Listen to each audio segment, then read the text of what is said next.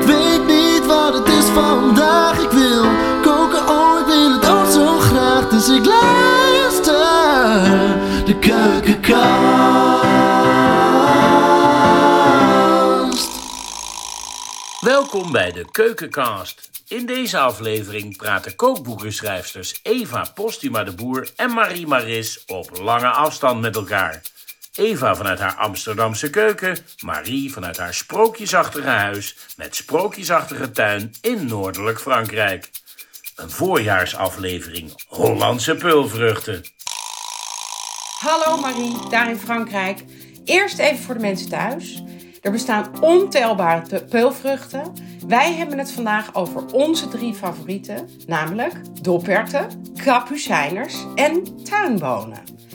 Aan de knoppen zit onze fijne Bart, die toevallig ook in dat sprookjesachtige huis woont en niet geheel toevallig met Marie getrouwd is, of tenminste niet officieel, maar wie weet gebeurt dat nog een keer. We zetten de kookwekker op 30 minuten. Peulvruchten dus. Marie, staan onze favorieten alle drie bij jou in de tuin? Gelukkig wel. Het zijn mijn, mijn lievelingsplanten sowieso. Eh, dopperten en peultjes. Tuinbonen ook heel mooi. Maar die, die dopperten en kapucijners en peultjes zijn voor mij eh, één soort ding. Die, die groeien ontzettend mooi. En het eerste wat dan boven de gro- grond komt is zo'n krulletje. En als je dat ziet, dan is het jaar begonnen. En dan ben je in één klap gelukkig. Tenminste, ik wel. En je hebt ze met witte bloemetjes en paarse bloemetjes. Wat je dus ook later in de peulen inderdaad weer terugziet. En van de kapucijners heb je eh, kreukzadige soorten en gladde. En die kreukzadige zijn vaak ietsje droger of ietsje bitterder. En de tuinbonen is een soort kniehoge plant met hele mooie trosjes bloemen eraan. En dan heb je nog een soort kleinere tuinbonen, dat zijn duivenbonen, die ook marisbonen heten. Dus die heb ik natuurlijk ook in de tuin staan. Die zijn dan weer een stuk groter. Veldertjes heten die ook wel. Oh ja. Maar heel veel soorten dus. En ze zijn allemaal lekker. En als u nou een balkonnetje hebt, zou ik zeggen, zet één potje klimmende ertjes. Daar word je zo blij van. Ja, ik heb nu op mijn balkonnetje kapucijners staan. En ik heb Ja. tot nu toe heel wild bloeiende, groene, ja, krioelende plantjes. En die, die, die krulletjes, die kun je ook eten. Je, kunt ook, je moet natuurlijk niet alles eraf halen, maar je kunt er een paar topjes afhalen. En daar kan je heel mooi eh, je gerechten mee garneren. En de bloemen kun je ook eten trouwens. Wat leuk. Maar hoe gaat dat dan nu? Want ik heb dus mijn kapucijners eerst in een klein potje hè, ge- ge- gezet. En toen heb ik ze overgezet. Nu staan ze dus in een, in een grote bak. En ik zie nu allemaal plant. Maar wat gebeurt er dan vervolgens? Uiteindelijk komen er eh, uit zijn oksels groeien dan trosjes bloemen. Dat, dat bloemetje dat wordt dan bevrucht. En daar groeit dan het. Je kan het bij spersiebonen beter zien dan bij doppertjes, denk ik. Maar je ziet, als je ze geoogst hebt, dan heb je zo'n. Hoe noem je dat? Dat is zoals bij een tomaat, zo'n kroontje. Mhm, mhm. En dat is waar die eerst het bloemetje was. En daaruit komt dan uiteindelijk het eh, vruchtje groeien. Mhm. Dus ieder bloemetje wordt een eh peultje. Een Ja, peul dus je moet, de je moet eerst bloemen hebben. Ja. En hoe lang Dat duurt dat hele proces dan? Van, van zaai tot oogst? Dat ligt heel erg aan de plant en aan het weer. Hier bijvoorbeeld de tuinbonen, die kan je al in februari kun je die zetten. En je hebt tegenwoordig zelfs soorten die voor de winter de grond in kunnen. En dan heb je het al gauw over vier maanden. En een doppert en een kapucijner, die doe je pas in maart in de grond. En die heb je als het goed is binnen twee maanden, zes weken als je geluk hebt. Ja, want we hebben het eigenlijk over voorjaars. We noemen het voorjaarspeulvruchten. Ja, ja, ze zijn er tot in juli op zich. En in Nederland zijn ze er steeds vroeger. Omdat het natuurlijk de voorjaren steeds warmer worden. Ja, ja. Maar bij jou in de tuin dit jaar is het allemaal een beetje moeizaam, hè? Eh, ja, wegens droogte en eh, zomerse hitte. Duurt, duurt alles erg lang, ja. Ik ben wel een beetje klaar met die mooie zomers, eerlijk gezegd. De keukenkast.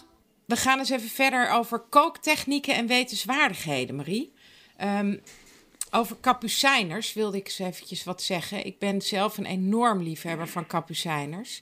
Ik denk dat het komt omdat mijn vader dat ook is en omdat dat vroeger altijd met heel veel ja, eh, goede humeuren gepaard ging als we kapucijners aten. Ehm, maar ik heb het idee dat ze erg uit de gratie aan het raken zijn. En eh, vroeger was het en, en natuurlijk echt wel veel gegeten eh, kost, maar je ziet het niet meer zoveel. En eh, het wordt in Nederland, eh, heb ik gelezen, ook steeds minder verbouwd. En de meeste kapucijners die wij kopen, ha- halen we uit Spanje. Omdat daar een bedrijf is van een, Nederlandse, een, een Nederlands landbouwbedrijf zit. Terwijl die Spanjaarden, die eten helemaal geen kapucijners. Maar weet jij waarom ze zo eh, oneerbiedig aan de kant worden geschoven, die prachtige kapucijners? Nou, ik denk sowieso, doppertjes die je moet doppen, zie je ook steeds minder. Omdat mensen toch een beetje lui zijn. De supermarkten Mhm. verkopen dat dus niet. Dus alleen Mhm. de, de echte groenteboeren verkopen het dan nog. En ik vermoed ook dat het met de industrialisatie van de landbouw te maken heeft. Want eh doperten bijvoorbeeld, die eh, grootschalig gekweekt worden, zijn meestal laagstamdoperten. En kapucijners zijn eigenlijk bijna altijd van die klimmende planten. En die kun je dus niet eh, goed machinaal oogsten. Dus ik, ik vermoed dat het komt omdat als je dat met de hand doet, wa- waardoor eh, verse doppertjes ook veel duurder zijn. Want die moeten met de hand geplukt worden. En die, die pot- en blikdoppers, daar gooi je gewoon in één keer zo'n combine overheen. En die roust eh, die ertjes uit de peulen en dan blijven de planten achter. Dus dat kan veel goedkoper dan als dat mensen dat moeten plukken. Dus ik vermoed dat dat de dood van de kapucijner is geweest, ja. Maar wacht heel eventjes. Dus een, een, eh, een, een, daarom is een doppert uit blik is veel goedkoper dan een, een, een doppert uit een... Want je zou inderdaad verwachten dat het andersom was. Hè? Dat als je zelf de moeite moet doen om een doppert te eh, eh, doppen, hè? om een peul te doppen... dat het goedkoper zou zijn dan een kant-en-klaar gedopte. Maar het is dus andersom. Ja. Dat komt ja, daardoor. want dat kan gewoon. Er gaat gewoon zo'n enorme combine over zo'n akker heen. En die heeft dan in, in een uurtje gedaan waar jij in drie weken over zou doen. Wauw. Dus dat. En daardoor is dat heel erg goedkoop, ja. Dus het is een soort valse romantiek. Die, die, het is, dat, dat, dat we ze nog zelf doppen. Nou, nee, het is natuurlijk wel echt iets heel anders. Een vers Het is echte romantiek. Geen valse Nee, romantiek. het is, e- en, ja, het is echte romantiek. Proefbare romantiek. Ja. Ja. ja. Ja, het is wel veel lekkerder, want je krijgt ze natuurlijk nooit zo vers. Nee, nee, het is. eh, Ja, en een pot en blik, die zijn ook heel gaar altijd al, vind ik. Waarom doen ze dat toch? Ja, dit is iets met gemak. Want die diepvries, dat vind ik nog wel kunnen op zich. Een doppertje is een van de... Ja. En tuinbonen ook een van de weinige groenten die tegen de diepvries kunnen. Ja, Het is wel nog steeds tuurlijk wat anders dan vers. Maar het kan wel, maar blik of pot, Nee. ik vind dat... Nee. En Ik- droge kapucijners ook, vroeger. Ja. Ik heb heel lang gedacht dat ik geen kapucijners lust, omdat we dan van die vieze droge... ja. Groentes in potten en, en blikken, die zijn dus Mhm. zo zacht gekookt, zoals ze vroeger... Hè, vroeger werden Ja. groentes natuurlijk heel lang gekookt. En daar Ja. zijn we al jaren vanaf. Dus we eten groenten heel, heel erg al dente. Maar het lijkt wel alsof die hele industrie die, die, die, die, die, die, eh, die stap gemist heeft. Nou ja, dat is een beetje waar misschien ook wel. Ook trouwens omdat dat soort spullen vaak nog door oude mensen gegeten worden. En die vinden dat minder erg. Ja, Mijn grootmoeder vond mijn eten altijd rauw. ja. Omdat, omdat ik mijn boontjes zo knapperig houd. Maar, maar ik denk ook dat dat gewoon niet anders kan. Want om iets te steriliseren heeft het een bepaalde tijd nodig. Dus je kan niet een al dente boontje maken, denk ik, in een pot. nee. Ik denk dat dat gewoon technisch niet haalbaar is. Nee, en als je het invriest, dan is gewoon het, het, het steriliseren is het invriezen, zeg maar. Dat, dat is Ja, en hoe dat je de bacteriën doodt. En, ja, precies. Ja. Ja. en dan moet je trouwens mensen, als je diepvriesdoppertjes eet, hoef je ze niet te ontdooien. Hè? Dan worden ze juist ook weer zacht. Je moet ze gewoon bevroren en wel in je gerecht gooien. Ja. Ja. Maar goed, we hebben het nu over verse doppertjes. ja, we hebben het het liefst over verse. Nou ja, goed. maar die zijn er maar zo kort. Ja, Want wanneer zijn ze er precies? Wanneer, nou ja, dat is dus ook niet meer zo goed te zeggen met deze nee, dat is eigenlijk niet meer te klimaatveranderingen. zeggen. Want ik zag ze zelfs in februari al op de markt liggen uit Nederland. Maar dat Ja. zal dan wel onder een tunnel vandaan komen of zo. Ja. Maar in principe is, is eind maart is al best optimistisch. Dus nee, je kan het eigenlijk niet meer zeggen. Ergens tussen maart en mei. Ja, ja, En dan tot in juli. ja. En tuinbonen? Hetzelfde, hetzelfde verhaal? Ja, ja. En die hele jonge tuinboontjes kan je inderdaad wel eten tot ze zo groot zijn als een krijtje. Ja, D- dan is die schil nog niet te taai en te Nee. wollig. Dat gaat Ja. wel. Het is wel Ja. grappig om Ja. een keer te doen. ja. Hey, en nog even, want wat wel gek is, is dat die kapucijners... Ik heb ze nog nooit in de diepvries gezien. Terwijl de tuinbonen en doperten zie je dus wel in de diepvries. Ja, dat die- zal datzelfde ding wel zijn. Als het niet machinaal gedaan kan worden, dan is het onbetaalbaar natuurlijk om dat in te vriezen. Want het kan wel. Ik doe mijn eigen verse doe ik ook gewoon in de vriezer als Ja. ik te veel heb. Ja, want ze, laten zich natuurlijk net zo goed invriezen, bedoel ik te zeggen. Als die Ja. Maar ja, misschien, ja, ik dacht misschien omdat ze toch zo uit de gratie zijn, dat er gewoon te weinig vraag naar is. Het kan, want waarom zou dat machinaal dan moeilijker zijn dan een doppert? Nou, volgens mij, maar dat weet ik niet 100% zeker, zou ik moeten checken. Bestaan er geen stamdopper eh kapucijners? Dus kunnen ze ze niet machinaal oogsten? Aha. Van, van zo'n klimrek, dan Het weet je een- nooit precies waar dat Ja, ding hangt. Het is een grillige, veel grilliger plant, dat bedoel je? Qua, Ja, als je iets tegen qua- een klimrek aan laat groeien, dan kan je er geen combine overheen Nee. jagen om alles eraf te halen. Dus Nee. ik denk dat dat het is. ja. Ik wil heel even uitstappen, een heel klein uitstapje van de, want we hebben het over peulvruchten, maar de peul, de Mhm. peultjes zijn natuurlijk heel... Slijmererten. Zo noemen de Vlamingen dat. Slijmererten. Is dat zo? Die trouwens ook geen kapucijners eten.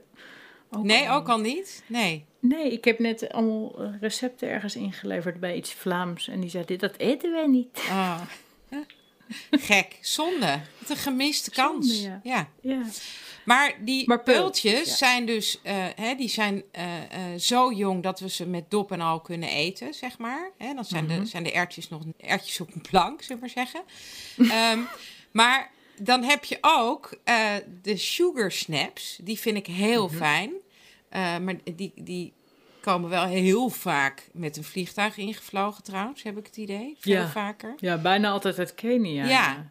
Eh, terwijl ik denk, die zou je toch ook gewoon van Nederlandse bodem moeten kunnen vinden. Maar wat is het Zeker. precies een sugar snap dan? Weet jij dat? In Ja, vergelijking. dat is, is de dikke neef van het peultje. Het Ja. is op zich de, eh, heel erg verwant. Hij eh, groeit gewoon net iets anders. Wat gebeurt er? Bart moet erg lachen. De sugar snap is het dikke neefje van, van het peultje. Maar dat is zo. Mensen thuis, wij kunnen elkaar dus zien via de computer op, op beeld. En ik zie Bart helemaal met zijn hand voor zijn gezicht. Maar goed, ja. Ja, nee, dat, dat, dat is wat die is. Want een peultje, dat maakt als je dat groot laat groeien... ook natuurlijk gewoon een dik ertje zoals een doppert. Mhm. Alleen is dat veel meliger. ja. Dus, dus dat is niet lekker. En bij een sugarsnap is ook amper ontwikkeling van de ertjes. En het is ja, een, een vlezig peultje, zou je kunnen zeggen. Ja. Heb Maar jij die ook wel eens gehad? Oh, en ook vaak, om, zeker met die eh, industriële rassen... die zijn doorgaans ook draadloos. Wat niet bij Ja. alle peultjes zo is. Nee. Nee. Dat klopt, ja. Hey, en die, die peulen van de tui- tuinbonen, dat je die, dat, je die, eh, dat je die kunt eten. Dat klopt, toch? Ja, sowieso. Bij allemaal eh, is het net als bij aspergeschillen vinden we dat wel logisch. Maar als je een paar peulen meekookt met dat wat je met je doppertjes gaat doen... dat geeft ook echt heel erg veel smaak af. Je kan er ook gewoon een lekker bouillonnetje van trekken. Bij tuinbonen moet je het eh, niet overdrijven, want te veel maakt het echt bitter. Maar gewoon een, een handje peulen erbij, zeker. Maar van zo'n grote tuinboondenpul, ja, dat is niet echt lekker. Het kan wel, het is niet giftig of zo, maar mijn hobby is het niet. Nee. nee.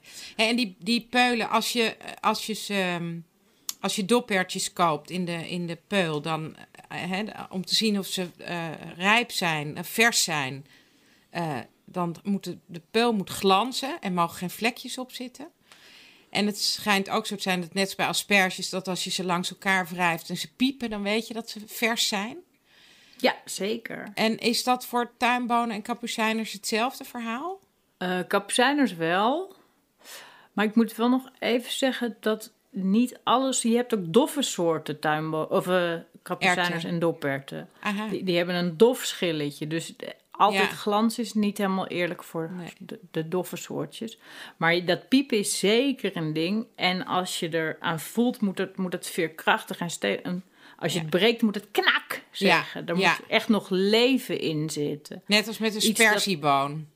Ja, als het buigt, is het niet oké. En Nee. dat is bij een tuinboon ook een, een goede manier om Ja. te weten of die vers is. Ja. Want die hebben wel eens van die roestvlekjes of zo, maar dat is niet per se erg. Oh, oké. Als hij slap is of heel licht, je kan ook zien, soms heb je enorme peulen, maar dan zit er maar twee of drie boontjes in. Ja. En dat kun je wel een beetje voelen en zien ook. Als je hem in je hand neemt, dat je denkt, nou, dat weegt wel erg weinig voor zo'n grote tuin, maar dan zit er dus ook niks in. Hoe komt Maar dat? techniek- Als er zo'n, het is altijd zo hoopvol. Dan denk je, oh, wat een lekkere grote peul. En dan maak je hem open en dan point, point, Ja, point. pech heeft hij te weinig voeding gehad of te weinig water. Of soms, dat heb je ook wel eens in doppertjes, heeft een rupsje in gezeten. Dan heb je een heel leeg gegeten ertje waar dan alleen een rups in woont. Ja, Ik wel ja, echt ja. te gek vind op zich dat dat kan. Ja, ja, Een mooi woningje, toch? ja. ja. Heerlijk. Zeker de tuinboon, Hmm. ja. Ja. Lekker bedje. Keukenkast. Even een boodschap tussendoor, lieve mensen. Want waar doen we onze boodschappen? Die bestellen we natuurlijk bij de krat. En voor inspiratie kijk ik heel vaak op de website van de krat, waar ontelbare recepten staan. Even kijken, wat vinden we daar zo al met die heerlijke Hollandse peulvruchten? Mm, tuinbonen. Oeh, zomerse tuinbonenstoof met landbrood en postelein sinaasappelsalade met mozzarella di bufala. Hmm. Kijken, kapucijners. Oeh, een maaltijdsoep met kapucijners, palmkool, pennen en oude kaas. Yummy. Verse doperwten. Hmm.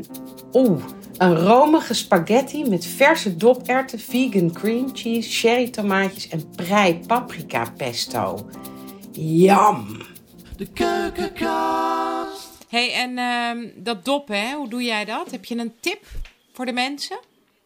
En Vaak kan je hem, als je hem aan dat, ik noem dat steeds maar zijn nekje, ja. Dat, dat, dat- bij dat kroontje, als je dat vast, dan neem je hem tussen duim en wijsvinger, dan pak je dat kroontje met je andere duim en wijsvinger. En als je dat dan over zijn rug opentrekt, Mhm. dan meestal gaat hij dan helemaal open. En anders met je duim van boven naar beneden drukken en dan Mhm. wip je ze er ook zo allemaal uit. Maar komt er dan een draadje mee als je dat kroontje eroverheen trekt? Ja, Ja. Ja, dus ja, alsof je, als het een dier zou zijn, alsof je zijn nek naar achter naar zijn voeten trekt. Mhm. Dat klinkt een beetje smerig, sorry, maar dat is denk ik. Het is echt een soort moord, eigenlijk. Nou ja, nee.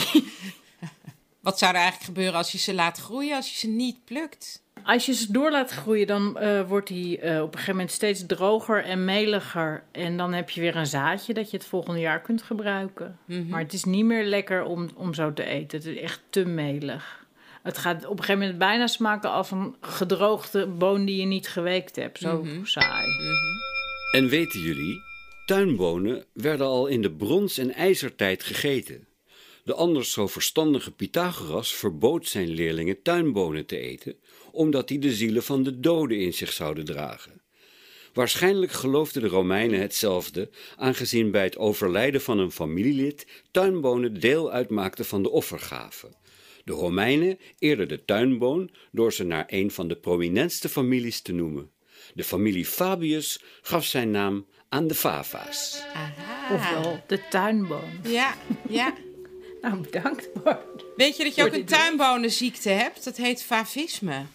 Ja, Dat daar mensen aan de Middellandse zeegebieden wel eens ja, dat klopt. Waarom dat nou vooral daar is, maar het is een soort allergie voor tuinbonen. Mensen worden heel ziek van. Nou, wat een leuk weetje, Bart. Dank je wel.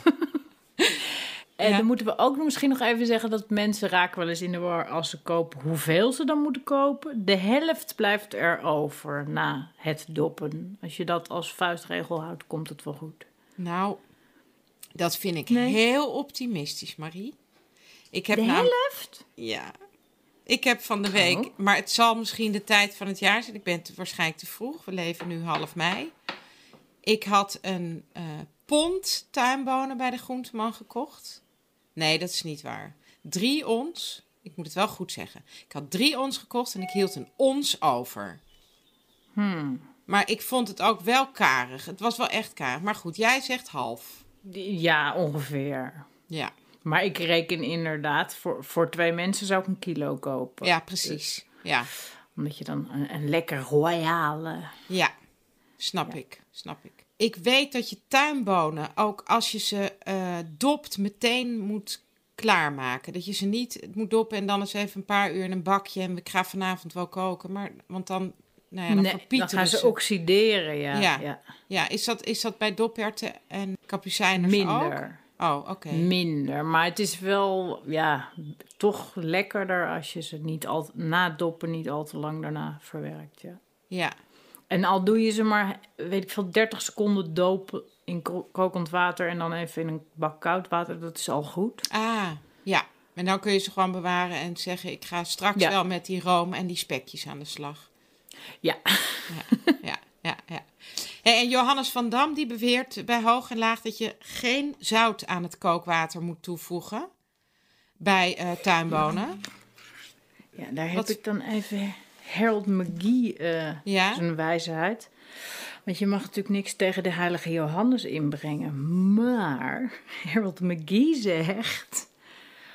Onderzoek heeft aangetoond dat een achtste theelepel zuiveringszout... wat natuurlijk ook gewoon zout is, vetzin noemen we dat ook wel... Ja, op 2,5 deciliter bonen het kookproces in belangrijke mate zal versnellen... zonder de voedingswaarde aan te tasten. Dus Ah. ik weet niet waarom je. Wat wel eh, het garen van bonen tegengaat, is zuur. Daarom worden bonen in tomatensaus nooit stuk. oh ja. Die dat kan je zo lang opzetten als Ja. je wil, maar dat kookt van zijn levensdagen niet stuk. Dat Nee. komt door het zuur. Ja. Maar dus dat er geen zout in zou mogen, ik weet niet waarom. Nou, hij zegt dat ze daar ha- hard en taai van worden. Ik, ik, ga, dat, ik ga wel een keer de proef op de som nemen. Dat is leuk. Ja, ik heb het ook wel eens geprobeerd, maar ik Oh. kon geen verschil Oh, ontdekken. je hebt het al een keer geprobeerd. Nou, dan heeft... Ja, maar doe jij het vooral ook? Dat is toch alweer een stuk wetenschappelijker. Ja, het is toch wel grappig om het ongelijk van Johannes aan te tonen. Jij durft. Ik zie Bart zijn hand voor zijn mond slaan. Verder is eh, wat het koken van tuinbonen eigenlijk volgens mij van alle drie onze eh, Hollandse eh, peulvruchten. Het is gewoon een kwestie van kort koken. Het eigenlijk blancheren bijna, of niet? Als je ze Doe als je wel, met- ja. ja. Ja, maar wij houden allebei erg van al dente als het op groente aankomt. Ja, ik gebruik tegenwoordig de term smaakgaar. Inderdaad, de een houdt van iets meer beet dan de ander. Dus doe Mhm. vo- vooral wat je lekker vindt. Wat ik wel grappig vind, is dat ik daar in Frankrijk heb ontdekt dat je bij de supermarkt zakken met dubbel gedopte tuinboontjes kunt kopen. Voor een paar euro heb je gewoon een kilo. Even voor de mensen, mensen thuis. Dubbel gedopt betekent dus uit de peul. En vervolgens blancheer je ze heel kort. Eh, en dan laat je ze zeg maar schrikken in koud water. En dan vloep je ze uit hun velletje. En dan heb je zo'n groen, glanzend, kwetsbaar eh, boontje. En dat heet een dubbel gedopt tuinboontje. Koop jij die ook of koop jij ze in hun velletje? Volgens mij hebben ze... Is, kan ik dat volgens mij helemaal niet kiezen? Dat weet ik eigenlijk niet. Ik koop ze niet zo vaak namelijk. Maar Oh, ik denk dat ze inderdaad dubbel gedopt zijn, ja. nou, ik vind dat zo. Ik, vind het, eh, ik ben er zo jaloers op. Ik denk, als, waarom hebben wij dat toch niet? Eh, Wat ik dus ook heel wonderlijk vind, hoe hebben ze dat gedaan voor zo weinig geld? Want hoe kun je nou, kun je machinaal dan tuinbonen doppen en ze komen echt nog best wel heel ook uit die zak. Dus hoe Maar zou mij dat? niks verbazen, ja, als dat machinaal kan. Dat ze bijvoorbeeld in, in een enorme bak kokend water en dan een soort koud kneedwatertje. Of net als onze Hollandse garnalen, dat er een legertje Marokkaanse vrouwen ze zitten doppen. Dat kan natuurlijk ook nog. hè? Ja, Dat zou, zou me ook niks verbazen. Nou, ik wil weten Maar hoe nee, ze dat doen. En dan kijken of we hier in Nederland ook eh, eh, een fabrikant zo gek kunnen krijgen om dubbel Ja, te gaan produceren. Er is vast wel een dubbeldopmachientje, ja, ik denk het wel. Ja, Iets, Ja. iets met een koud bad dat beweegt Ja. of zo. want laten we wel wezen, het dubbel doppen van tuinbonen is best wel een monnikenwerkje. Hè? Ja, ik vind het ook meestal eigenlijk niet nodig. Zeker niet als, als ze niet al te groot zijn. Ik doe het pas als ze, nou ja, groter dan, eh, dan de nagel van je duim of zo. En dan nog niet. Want ik vind ook wel echt heel erg bij tuinbonen horen, dat bittertje. Ja, oh ja, want dat is natuurlijk ook het verschil. Het, het, het, het, het bittertje zit in het velletje. Dus als je ze dubbel dopt, Ja. dan heb je heel zachte, veel, veel zoetere. Dan is het een beetje dopert bijna, hè?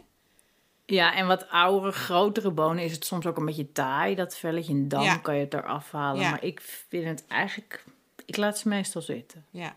Nou ja, ik heb mijn man, die, vindt tuin, die gruwelt echt van tuinbonen. Maar die heb ik dus aan de tuinboon gekregen door ze te dubbel doppen. Ah, Dus oké. eh, ja, dat is wel leuk. Hebben we nog meer wetenswaardigheden of gaan we door naar de smaakmaker? Laten we het eens even over smaakmakers hebben. Want kijk, ja, dopert is natuurlijk eigenlijk heel voor de hand liggend. Hè? Peterselie, munt, basilicum, salie. Eh, ik maak vaak eh, ja, bij vette vis, zalm, paling. Of, en ik gebruik heel veel dopertjes als ik Aziatisch kook. Gebakken rijst, curry's. Dus ook met kokosmelk. Heel veel pittige specerijen. Dat lekkere zoete tegenhangertje. En een beetje knapperig. Vind ik ook fijn in curry's. Zo heel op het laatste even zo'n grote hand met eh dopertjes erin. En wat heb jij... ehm, voor, wat, Nou, wat, ik ben het er helemaal mee eens. Eh venkel vind ik ook nog mooi. En alle aanverwanten van venkel. Dus Mhm. van, van kervel tot dragon en dille. Eh, citrusfruit. Dat, dat zuur, dat dan Mhm. een beetje eh, juist het zoetige benadrukt. Bonenkruid, mits met mate. Mhm. Komijn vind ik ook lekker. En vanille, omdat dat juist ook een beetje zoetig is. Mhm. Een kleine, een kleine eh, schepje vanillezaadjes vind ik in hartige dingen vaak heel lekker ook. Of juist iets heel scherps, zoals een oude schapenkaas. Wat flinters Ja. over je doperten gerecht. Ja, ja. Zoiets. Goeie, goeie. En bij tuinbonen, dat, voor mij is dat, ik weet niet waarom, maar vaak denk ik als eerste aan Italiaanse smaken. Dus, en, en vet, dus room en knoflook en kaas en oregano en, en dat soort dingen. Ja, Italianen zijn natuurlijk heel erg eh tuinboneneters. Maar en verder, ja, amandel vind ik heel eh, lekker daarbij. En ook weer alle venkelachtigen. Basilicum, voor onze Italiaanse vrienden. Ook weer citrus en dan eh, misschien eerder eh, citroenmelisse of een drupje azijn of zo. Mhm. Eh, munt, salie, net als bij de doppertjes. Ja, Maar ook het pittige van waterkers. En zeekraal vind ik ook lekker. Ook omdat Ja. het een beetje dezelfde structuur, maar een heel ander smaakje. ja, Maar ik vind ze ook heel Midden-Oosters. Dus ik denk ook Ja. heel erg aan komijn en ras el hanout en Ja. dat soort dingen. Ja. dat is natuurlijk zo. Ook eh falafel van tuinbonen is natuurlijk heel Ja. bekend. En wat eet jij dan bij je kapucijners? Ja, dat is voor mij toch wel in de eerste plaats gaat het over spek en uien en stroop en, eh, en mosterd. Ook en, bij verse kapucijners, ja? Juist, ja, lekker. Oh. En ja, zoet. En, maar dat is natuurlijk omdat het een beetje bitter is. Is dat zoet niet zo gek. En, en zout ook. Dus heel erg zout. Dat, zouten van spek. Wat ik me trouwens ook bij tuinbonen heel goed kan voorstellen. En vet. Ik vind, trouw, ik vind dat kapucijners en tuinbonen ook allebei heel goed... eh, nou, doppert eigenlijk ook. Het- zijn... Ja, moet, je moet het altijd vet. even... Ja, even een klontje boter erdoor smelten of een beetje Ja. olie. Of, ja, Ja. dat is sowieso. Ja, ja. Jongens, we zijn, bij, we zijn al aan een, bijna aan een half uur, Marie. Eh, Noem jij nog Oh, even wat smaakmakers? Dan gaan we, gaan we nog even recepten doen. Oké, ik vind eh kapucijners smaakboon dezelfde als jij, plus eh, gember, nootmuskaat. Ja? En dan heb ik het alleen over vers, hè, want bij gedroogde vind ik het weer wat heel, heel wat anders. Maar dat is meer een winters onderwerp, denk ik, gedroogde bonen. Nou, het grappige is natuurlijk dat we kapucijners, wat ik net ook noemde, spek en uien en stroop. En hè, we kennen het ook met aardappels en jus en, en appelmoes en zo. Dat zijn allemaal heel erg herfstige en winterse eh, dingen. Terwijl kapucijners zijn van oorsprong natuurlijk gewoon voorjaars eh, groenten. Ja, maar je- ze waren heel goed bewaarbaar Ja, natuurlijk. Dus dat, dat was erg fijn toen we nog geen diepvries hadden. Nee. Oké, Marie, we hebben een paar recepten allebei uitgezocht. Jij eerst. Ik eerst? Ja, ik heb uit mijn boek Eva's Keukenkast twee recepten. Die staan toevallig naast elkaar op twee bladzijden, want eh, onder het kopje bonen. Dat is een Italiaanse tuinbonensalade. En nou, wat ik al zei, ik, voor mij is eh, tuinbonen denk ik eigenlijk altijd in de eerste plaats aan Italiaanse smaken. Ik dubbeldop de tuinbonen, zodat ik die mooie groene kale boontjes heb. En dan maak ik een dressing van knoflook, appelsiederazijn, citroen, veel ansjovisjes en een goede sterke mooie olijfolie. En dan ra- geraste parmezaan door de dressing. En peper. Nou, zout hoeft dan niet, want je hebt natuurlijk al en de parmezaan en de ansjovisjes. Die tuinboontjes, die blancheer je heel kort. En dan leg je ze warm in die dressing en dan laat, laat je het afkoelen. Dat is een Ik van ga de mijn... tuin in zeggen dat ze heel hard door moeten groeien.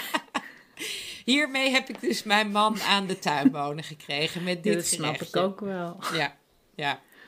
En, een, en eh, met kapucijners heb ik een gerechtje. Dat zijn verse kapucijners in mosterdsaus. En dat is echt zo'n gerechtje wat ik dus met mijn waar ik mijn vader heel erg blij mee kan krijgen. Ik bak de spekjes uit in de koekenpan en ik fruit eh, wat charlotjes mee. En ik schep er crème fraîche en mosterd bij. De kapucijners even eh 10 minuten eh, gekookt. Afspoelen met water. Dat ze toch even stoppen met koken. En dan in die mosterdsaus. Heel erg simpel eigenlijk. Ja, ik vind smullen. En daar kan je dan nog wat kruiden bij doen. Wat verse kruiden die je hebt.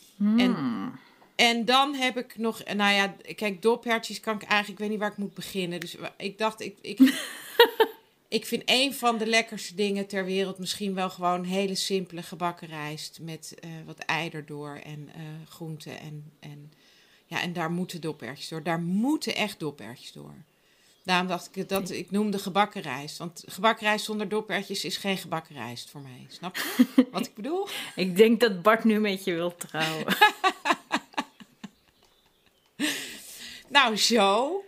En jij, Nou, Marie, ja. kom eens door. Wat heb jij uitgezocht? Mm, tuinbonen eh eventjes aanfruiten met een beetje knoflook. Dan eh, afblussen met water en of een scheutje witte wijn tot ze voor de helft in het vocht staan. Beetje citroenrasp en tijm erbij. En dan op middelhoog vuur het vocht laten verdampen. En dan gerookt zeezout eroverheen. Niks meer aan doen. Heel, misschien een beetje amandel. Mm. En eh dopertjes pasta vind ik heel lekker. Dus dat je ze helemaal fijn maalt. Met, ja, dat, de ene keer kan je dat gewoon heel simpel met een beetje citrus en knoflook. Maar dat kan je ook heel Midden-Oosters kruiden. Of, En dat kan je natuurlijk ook met diepvrieserwtjes prima doen.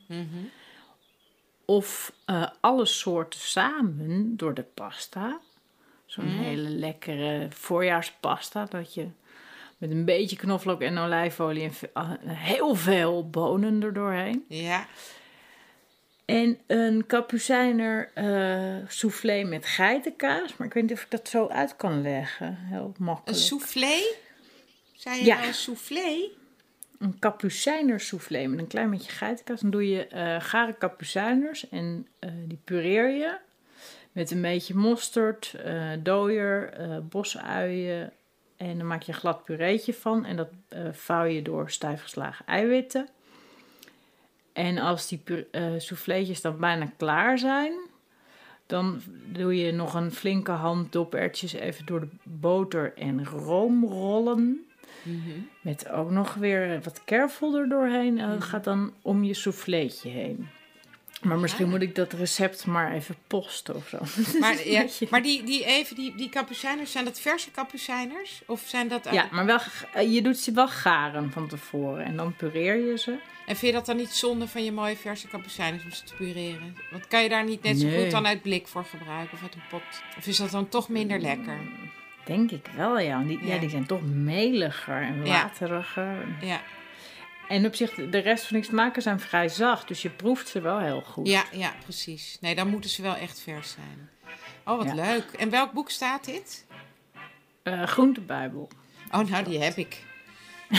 nou, eh, eh, de kookwekker is dus al lang gegaan. Nog één vraag, Marie. Waar zullen we het de volgende keer over hebben? Oh, de bijen. Aardbeien. Ja! De zomer komt. Oké, doen we. Goed. Gezellig. Doei. Dag. Keukenkast.